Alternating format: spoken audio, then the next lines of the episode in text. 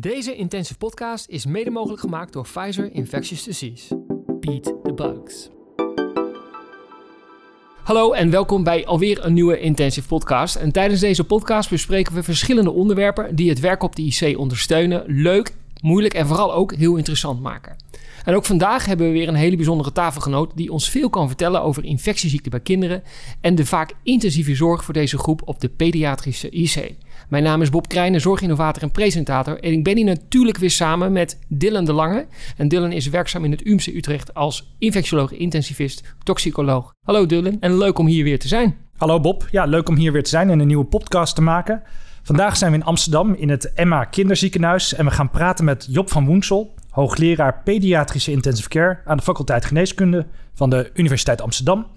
En daarnaast de job oprichter, voorzitter van het Network of Excellence Kinder IC. Een samenwerking van de acht academische ziekenhuizen in Nederland die over een IC voor kinderen beschikken.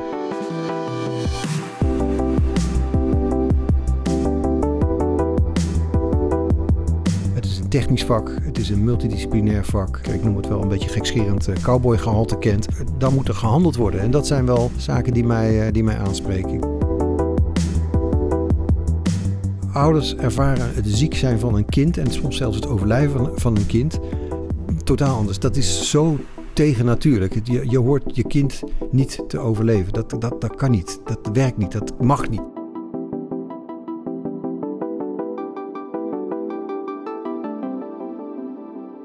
Job, dankjewel dat we hier mogen zijn. Dankjewel. Helemaal goed. Nou, leuk om hier te zijn, Job. Ja, uh, zeker. Zeker, zeker. Je, je, lijkt ook op de foto's uh, die ik heb gezien in de krant. Dus, uh... Gelukkig. Job, voordat we beginnen aan het onderwerp pediatrische IC en kinderinfectieziekten. Leuk om iets van jezelf te vertellen. Wie je bent, wat je zo doet in het dagelijks leven. Ja, heel goed, zeker. Ik ben Job van Woensel, ben vader van drie gezonde, lieve, mooie kinderen. En uh, ben sinds uh, bijna 25 jaar werkzaam op de kinderintensive care hier in het uh, Amsterdam UMC, zoals dat tegenwoordig heet. En ben opgeklommen van, van fellow naar inmiddels hoofd en hoogleraar en hoofd van, van die afdeling.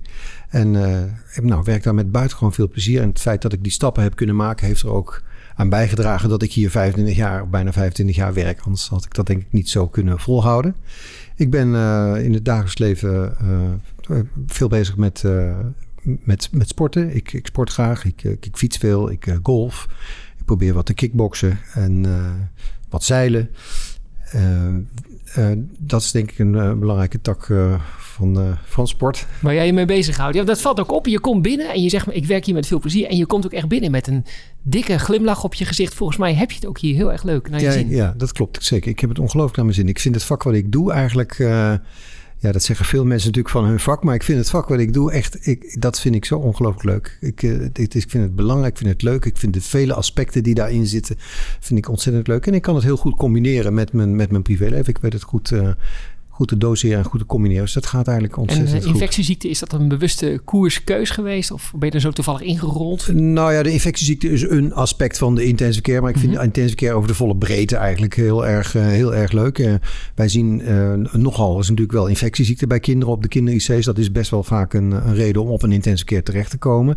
En vanuit mijn onderzoek, mijn promotieonderzoek... wat ging over virale luchtweginfecties bij kinderen... met het beroemde, zeker beruchte RS-virus... Uh, ben ik wel in die infectieziekte uh, geïnteresseerd en terecht gekomen. Maar dat gaat dan vooral over virale luchtweginfecties bij kinderen.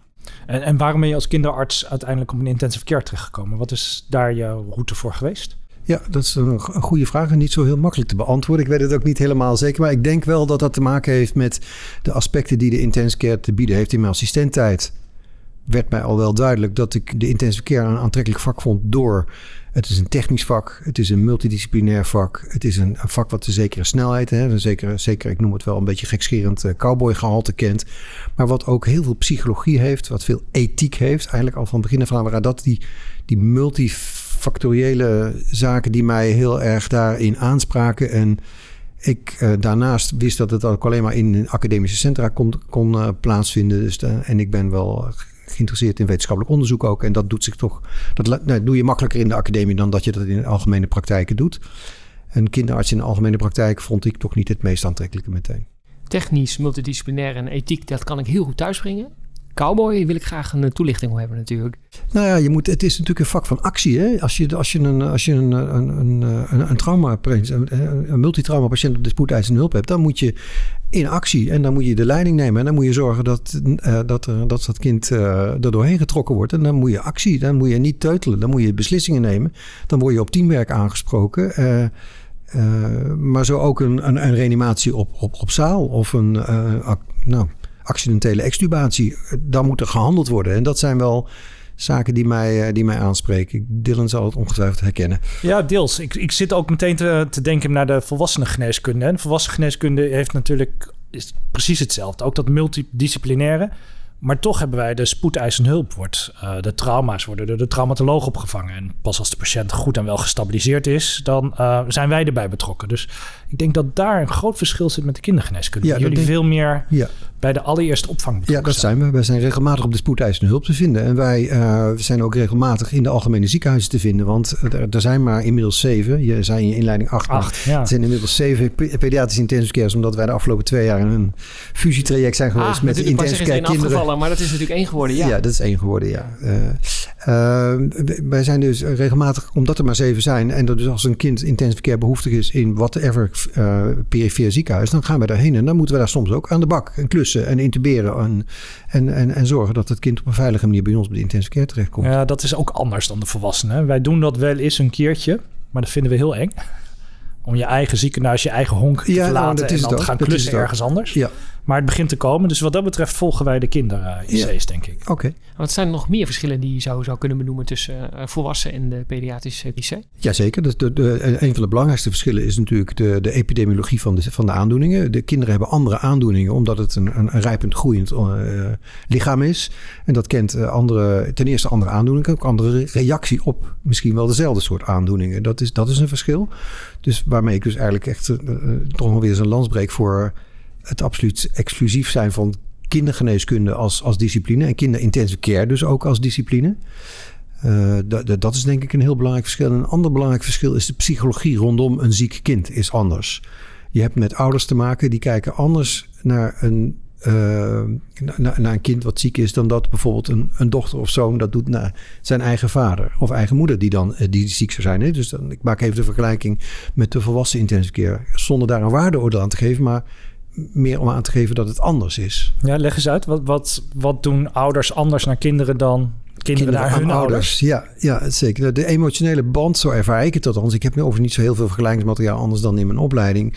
Uh, maar kinder, ouders ervaren het ziek zijn van een kind en soms zelfs het overlijden van, van een kind totaal anders. Dat is zo tegennatuurlijk. Je, je hoort je kind niet te overleven. Dat, dat, dat kan niet. Dat werkt niet. Dat mag niet, bij wijze van spreken.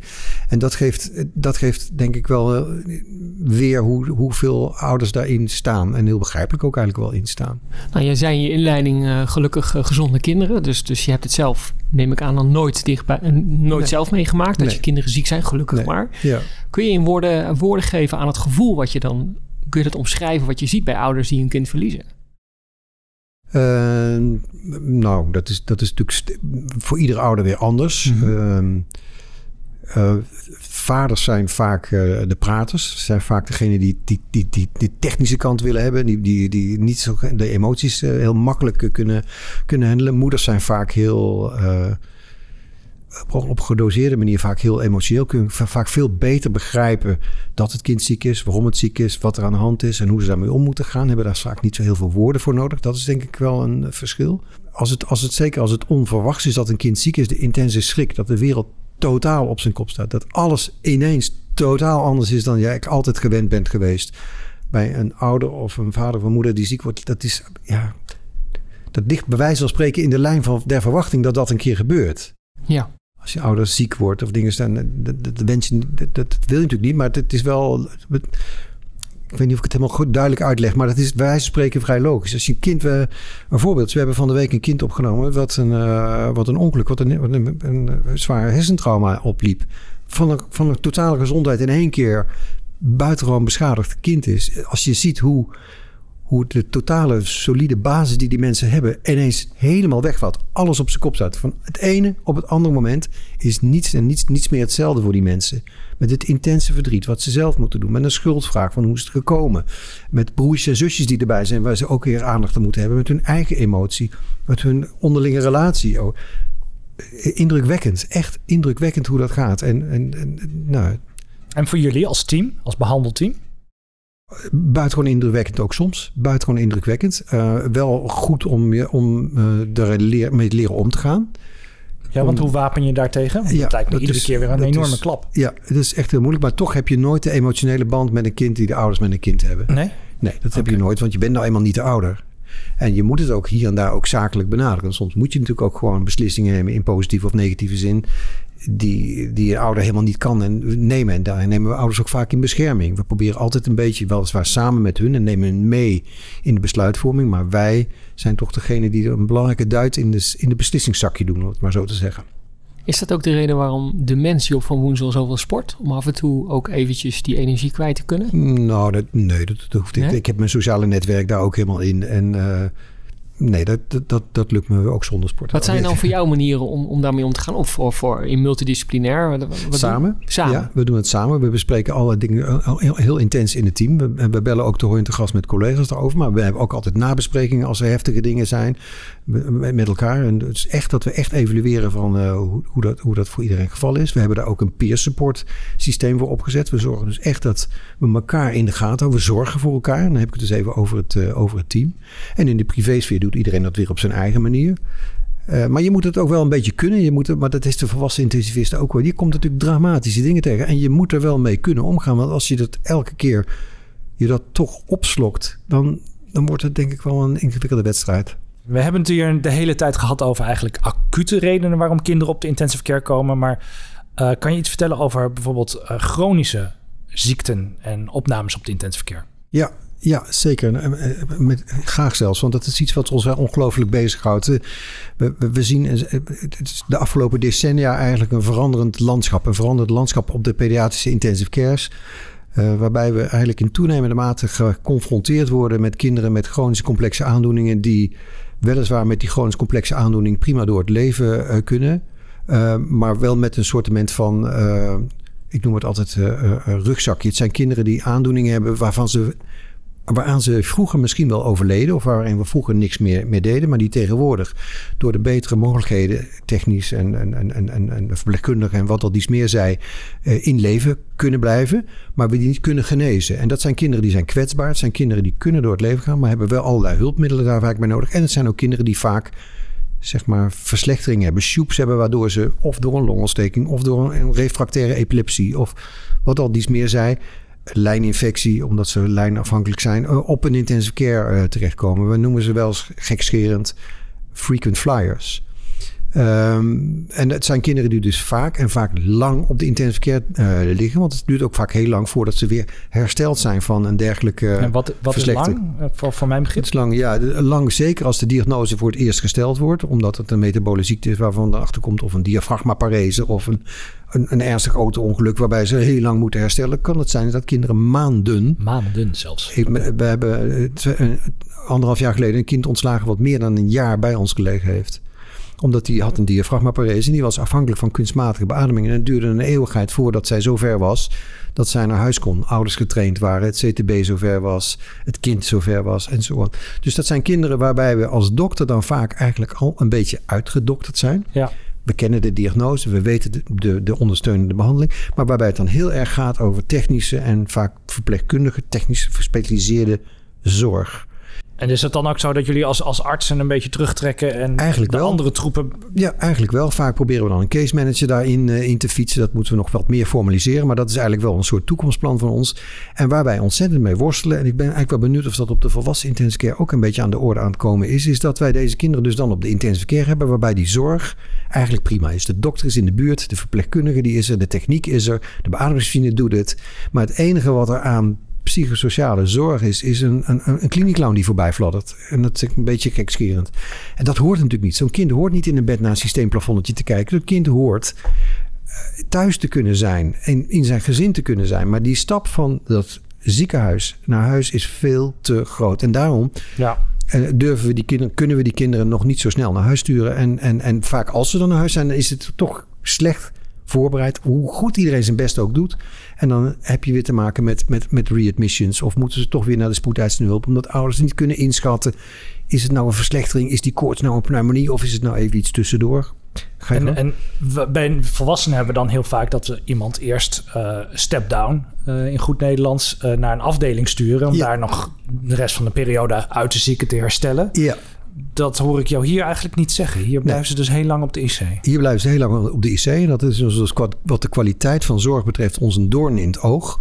Niet in de laat, dat, we vinden de zorg niet goed, maar daar komt bij dat het dus natuurlijk eigenlijk de verkeerde zorg op de verkeerde plek is. Iemand bezet een plek. Als je gemiddelde opnameduur drie dagen is en je hebt een kind een jaar op de intensive care liggen, eh, 365 andere gedeeld door drie, opnames. dan mis je dus drie, dan mis je dus ruim 100 patiënten.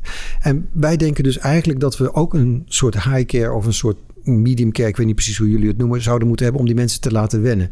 Maar wij willen dat echt buiten het ziekenhuis doen en zoveel mogelijk nabootsen wat die mensen thuis, waar ze mee geconfronteerd worden. Voordat we naar buiten het ziekenhuis gaan, toch even terug naar in het ziekenhuis. Je Ja. noemde net psychosociale zorg.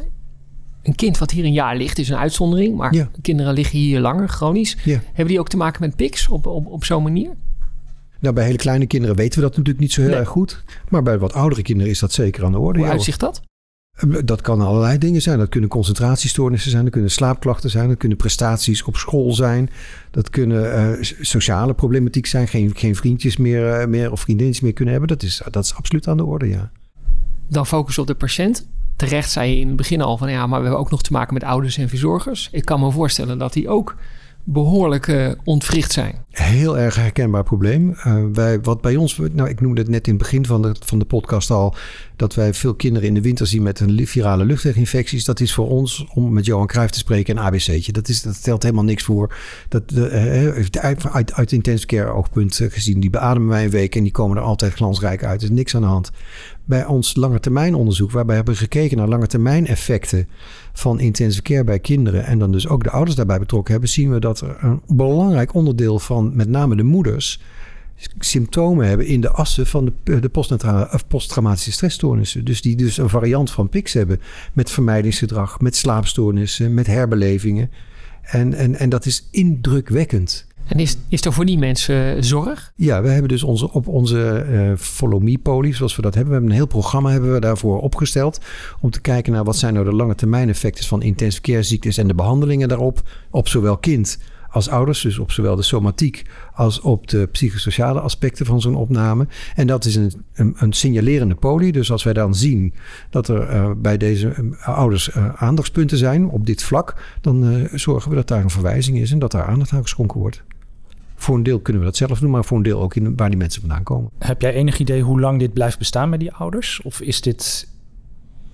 Nee, dat Voor niet altijd? zo goed. Nou, nee, het zal niet voor altijd zijn, maar het is wel iets wat we, wat we, we zijn eigenlijk de laatste 10, 15 jaar het aan het onder, onderkennen. We zien het en, en, en, en, en, en we moeten er dus wat mee. Of, en als je het behandelt, dan is het, het is goed te behandelen.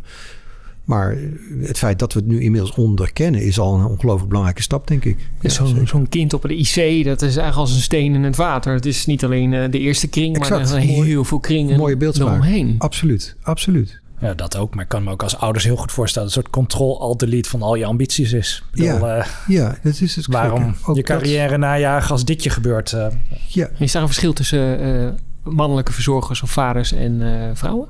Nou, Dus- wat ik, dat, dat onderzoek wat ik net schetste, dat, eh, daarvan zien we, we zien bij de moeders wat meer problemen dan bij de vaders. Ja, inderdaad. Die gaan wat meer door. Die zeg kunnen maar. wat meer doorgaan Ja. daarin, denk ik. We hebben het net gehad over de invloed van een opname op de kinder-IC voor de familie. En dat jullie daar onderzoek naar doen. Maar doen jullie eh, nog meer onderzoek? Ja, ja we, doen, we doen er zeker meer onderzoek. Als het gaat over het klinisch onderzoek, dan doen we dat zoveel mogelijk samen. We hebben daarvoor een, een, een, een, ruim tien jaar geleden een netwerk eh, eh, opgericht. Althans, nou, de handen ineengeslagen en dat een, netwerk gevormd om elke klinische studie eh, op het gebied van kinderintensive care samen te doen met de overige zes, of dus met totaal zeven eh kinderintensive in Nederland. Kleine, kleine units met, En als je dus samenwerkt, sneller, sneller klappen kunt maken, sneller stappen kunt maken om dat onderzoek te doen.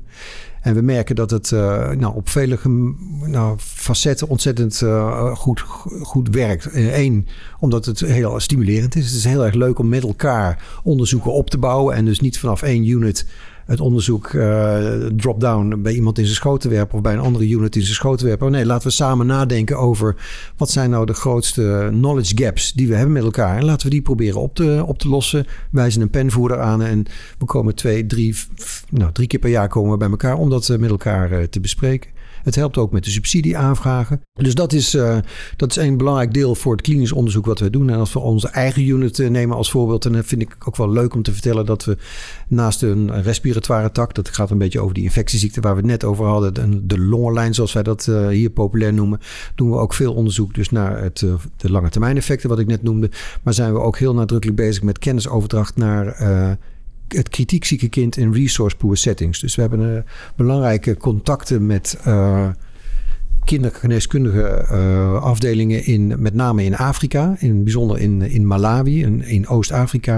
En daar hebben we al sinds jaar en dag een belangrijke band mee met het Emma Kinderziekenhuis. En daar hebben we nu net weer een intensivist voor anderhalf jaar naartoe gestuurd om een intensive care daar op te bouwen, maar met name ook om onderzoek te doen. Want we denken dat de kennis en kunde van het kritiekzieke kind in, in low-income settings uh, nog, nou, dat daar nog veel uh, te winnen is. En dat er zelfs veel laaghangend fruit is waar we nog veel kunnen betekenen. En, dat en wat, wat, voor soort onderzoek doet deze intensivist dan daar? Het gaat er vooral over circulatoire insufficiëntie. Daar is, uh, daar is veel over te doen. Er is veel nieuwe inzichten aan het komen over wat moet je nou helemaal doen bij kinderen in de tropen als zij een circulatoire insufficiëntie hebben. Er is een belangrijke studie een jaar of, nou, ik denk inmiddels al wel tien geleden uitgekomen. Die heeft laten zien dat intraveneuze vulling de mortaliteit verhoogt.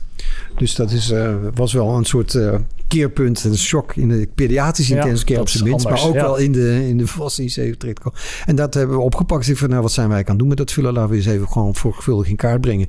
Wat maakt een kind in, uh, in de tropen nou zo circulatoire insufficiënt? Want dat zijn andere ziektebeelden. Dengue, malaria, noem eens wat, gastroenteritis is daar een veel groter probleem. Dat soort zaken zijn we in kaart aan het brengen. En nou, het is ook ontzettend stimulerend. Het is echt heel erg leuk. En vanuit het Nederlandse netwerk, kun je daar eens wat, wat successen delen met ons? Wat hebben jullie onderzocht wat uit, ja, echt uh, anders is dan nou, anders een, een voorbeeld is dat we met elkaar de Daily Sedation Interruption studie hebben gedaan. We hebben naar analogie van de volwassen ja. intensive care gekeken of het ontijdelijk gezette tijden onderbreken van de sedatie bij kinderen aan de beademing helpt om de cumulatieve dosis aan sedatie te verminderen en, en ze ook korter aan de beademing te hebben. En dat is een uh, multicenter studie gesubsidieerd door ZonNW uh, geweest. Daar kwam niks uit, maar we hebben het wel met elkaar gedaan. We staan aan de vooravond om een grote fluid management studie te doen. Van hoeveel vocht moet je nou aan kinderen geven. Om nou eens te zorgen dat ze niet altijd mee weer overvullen als ze op de intensive care komen. Nou, een greep uit een aantal dingen die we aan het doen zijn. En daarnaast, Job, uh, naast alle andere dingen die je al doet, ben je ook bezig met het Jeroen Pithuis, het Transitional Care Unit, aan het oprichten. Heb ik wat over gelezen in diverse media leuk dat je daarover begint. Want daar ben ik wel trots op dat we dat project uh, vlot hebben kunnen trekken. Of, uh, nu heb ik, het is een prachtig project, ja. Het is eigenlijk al een droom die ik eigenlijk al tien jaar heb in die tijd dat ik in die intensive care zit. We hebben steeds maar te maken met, uh, met de kinderen met die, die een chronisch complexe aandoening hebben. Hè, we leren dus, we, we zien dus in de praktijk dat de transitie van het gaan van een hele technische beschermde omgeving als het academisch ziekenhuis. Het gaat vaak over derde lijnsproblematiek. Naar huis een, een, een te grote stap is. De transitie van, van het ziekenhuis naar huis te groot. Transitie van ouders als zorgontvangers naar zorgverleners als ze eenmaal thuis zijn is te groot. En wij denken dat we daar een, een, een voorziening voor moeten gaan, uh, gaan, gaan bouwen. Die ervoor zorgt dat we de thuissituatie meer nabootsen dan dat we dat in het ziekenhuis kunnen doen. We kunnen in het ziekenhuis slecht de thuissituatie nabootsen, blijkt. Want in de praktijk zijn het maar immers kinderen, zoals ik net noemde, die vaak terug worden opgenomen in het, uh, worden heropgenomen in het ziekenhuis. En om dat te kunnen voorkomen en ook om de, de, de juiste zorg op de juiste plek te geven, denken dat we zo'n tussenhuis moeten bouwen, een transitional care unit. Nou, dat is de technische naam. En in Amsterdam is het de geuzennaam het Jeroen Pithuis geworden. Omdat de erven van Jeroen Pit het mogelijk, voor een deel, belangrijk deel hebben mogelijk gemaakt. Gaan we in de tuin van het AMC een huis bouwen met acht appartementen. Waarbij we de thuissituatie zoveel mogelijk nabootsen. Waarbij het bij wijze van spreken gaat over IKEA-kastjes, want die heb je thuis ook. En niet een, een, een voorziening zoals we ze hier hebben. Maar waarbij de technische zorg, de verpleegkundige zorg wel voldoende is afgedekt. Waarbij de ouders de transitie kunnen maken en kunnen gaan wennen. Wat betekent het nou als je een kind hebt die totaal parenterale voeding heeft? Of die een canule heeft, die je moet uitzuigen? Hoe moet ik naar de Albert Heijn? Weet jij veel? Kun, dat, moet, dat kan helemaal niet met dat kind. Of moet, daar moet ik dus iets voor, voor regelen. Uh, hoe moet ik zorgen dat al mijn spullen in huis komen? Hoe uh, ga ik er emotioneel mee om? Als ik een kind thuis heb ineens waar, waar ik het helemaal zelf moet doen. Krijg koorts. Is dat nou een longontsteking? Moet ik nou bellen? Moet ik nou gaan? Moet ik nou niet gaan? En dat, die transitie is ontzettend moeilijk. En wij denken dat we die beter kunnen verzorgen met zo'n tussenhuis, met de Transitional Care Unit. Is het alleen voor de ouders verzorgen of trek je er ook bijvoorbeeld huisarts bij? Of, uh... Het wordt absoluut een interdisciplinaire samenwerking. Het is dus eigenlijk ook niet alleen het huis. Het is ook een kenniscentrum waarbij we al deze disciplines bij elkaar proberen te brengen. Te ontschotten, om maar weer even een populaire term te bij te gebruiken. Ontschotten. Zodat, zodat, we de, dat het een ketenzorg wordt. En dat het dus en dat het een stap in de keten is naar, naar huis. Hoe lang uh, verblijft zo'n kind daar dan? Uh, dat hangt van het kind af. Maar wat we gaan doen is we zorgen dat we van tevoren een plan hebben. We zorgen dat we een plan hebben waarbij we milestones hebben. En zorgen ja. dat die milestones gehaald worden. En bij het ene kind zal het misschien twee maanden of vier maanden zijn. Bij het andere kind misschien maar twee weken. Dat, dat maakt op zichzelf niet zoveel uit. De, de, de crux zit hem in de T van transitie. Het moet gaan over transitie. En soms zal het lukken niet lukken om de transitie naar huis te moeten doen. Maar dan zullen we misschien de transitie naar een verzorgingshuis te moeten doen. Dat kan blijken. Maar het gaat erom dat ze uit het ziekenhuis gaan. Want daar is het zorg technisch goed, maar, maar, maar niet holistisch genoeg. Daar, daar gaat het ons om. En ja, met gepaste trots kan ik zeggen dat we in, uh, in januari 2021 uh, de eerste paal de grond in gaat. Dus we hebben de financiering rond. De uitdaging zat in de organisatie eigenlijk in twee dingen. Eén natuurlijk het huis kunnen, kunnen vinden, het geld voor de stenen vinden. En de tweede uitdaging zat hem in de exploitatie. Hoe krijgen we de verzekeraars mee? Hoe zorgen we dat de overheid meegaat? Hoe betalen we dat ouders ook daar kunnen slapen? Kost ook geld. Dat zijn niet de zieken. De verzekeraar zegt, ja, ouders die gaan we niet betalen. Dat hebben we allemaal rond. En nou, again, met gepaste trots kan ik zeggen... we hebben inmiddels een team van wel twaalf mensen daarop zitten. En uh, we hebben het geld uh, gevonden. En uh, we kunnen de acht appartementen gaan bouwen. 2021 gaat de eerste paal de grond in. Wie gaat hier slaan? en dat weet ik niet. Dat weet ik niet. Dat is nog een geheim. Ja, dat is nog een geheim. Laten we het niet Die hou ik nog even. Ja, heel goed. Ja, dat is spannend. Ja. En dit, dit, gaat bepaald niet om mij. Het, gaat, het is absoluut een, een, een team effort. Het is, zeker. het is ook niet alleen intensive care overigens. Dat is heel belangrijk. Het zijn er zat kinderen ook op de gewone afdeling... die niet intensive care behoeftig zijn... maar wel verpleegkundig zorg 24 uur per dag... en toezicht hebben, nodig hebben. Uh, een van de dingen die, die ik hoorde zeggen, van het was lastig om, om de geldschieters en de zorgverzekeraars en alle, alle mensen dezelfde gedachten te krijgen. Maar het moet toch eigenlijk vrij makkelijk zijn om te zeggen van, van hele dure intensive care geneeskunde naar goedkopere transition care, dat moet toch iedereen juichend ontvangen? Ja, dat zou je zeggen, maar het viel toch nog niet mee om de verzekeraars mee te krijgen. Overigens is het de vraag of het allemaal zo ongelooflijk veel goedkoper is. Ja, en dat, vind ik ook. Ja. Dat, is wel, ook weer, dat is wel weer een leuk bruggetje naar het onderzoek wat we doen. We hebben daar ook gewoon echt een promovendus op zitten. En die, met, die een voor-nameting moet doen. We zijn dus nu in kaart aan het brengen. Wat gebeurt er nu met al die kinderen? In alle aspecten. Hoe vaak uh, uh, worden ze opgenomen? Hoe lang zijn ze opgenomen? Hoe vaak hebben de ouders financiële problemen? Hoe vaak zijn er echtscheidingen? Hoe vaak gaat het mis met broertjes en zusjes? Ga ze maar door. We hebben we de interventie, het Jeroen Pithuis. En dan doen we een nameting. En nou, daar zijn we ook bij Zonnewee ook best wel aardig op pad om daar support voor te krijgen. Maar de eerste financiering voor de promovendus is, die is, die is een jaar geleden begonnen. En dus we willen dat op die manier ook, ook in kaart brengen. Ook naar aanleiding van wat jij zegt. Is het nou daadwerkelijk goedkoop? Ik hoor jou... al deze dingen zeggen. Hè. Die, die kinderen hebben, hebben zorg nodig. Uh, die is hier te hoog specifiek, te technisch. Dus ze moeten echt naar een, een, een, tussenhuis, een tussenoplossing. Ik hoor jou nergens zeggen, het is voor ons een financieel gedreven keuze. Het is vooral een keuze om dat holistische, die zorg toe te kunnen passen. Ja, mijn, mijn primaire drive is dat ik wil, ik wil als zorgprofessional en als intensive care arts voor kinderen wil ik zorgen dat die zorg goed is. Dat vind ik belangrijk.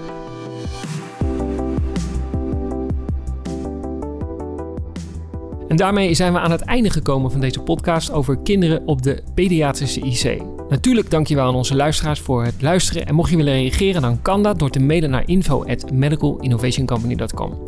En mocht je geïnteresseerd zijn in onze iedere intensive podcast, ga dan naar onze website medicalinnovation.com. En als je daar toch bent, schrijf je je meteen in voor onze nieuwsbrief. Dan ben je altijd op de hoogte als er een nieuwe podcast verschijnt. En ik wil natuurlijk onze gast bedanken, Zeker. Job van Woensel. Dankjewel voor een kijkje in de keuken van het uh, kinderziekenhuis en de kinder-IC. Ik vond het uh, verhelderend. En natuurlijk ook uh, dank voor de man achter de knoppen, Jordan. En eh, tot de volgende keer. Dag.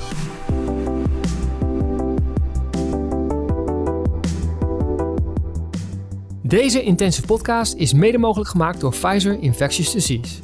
Beat the bugs.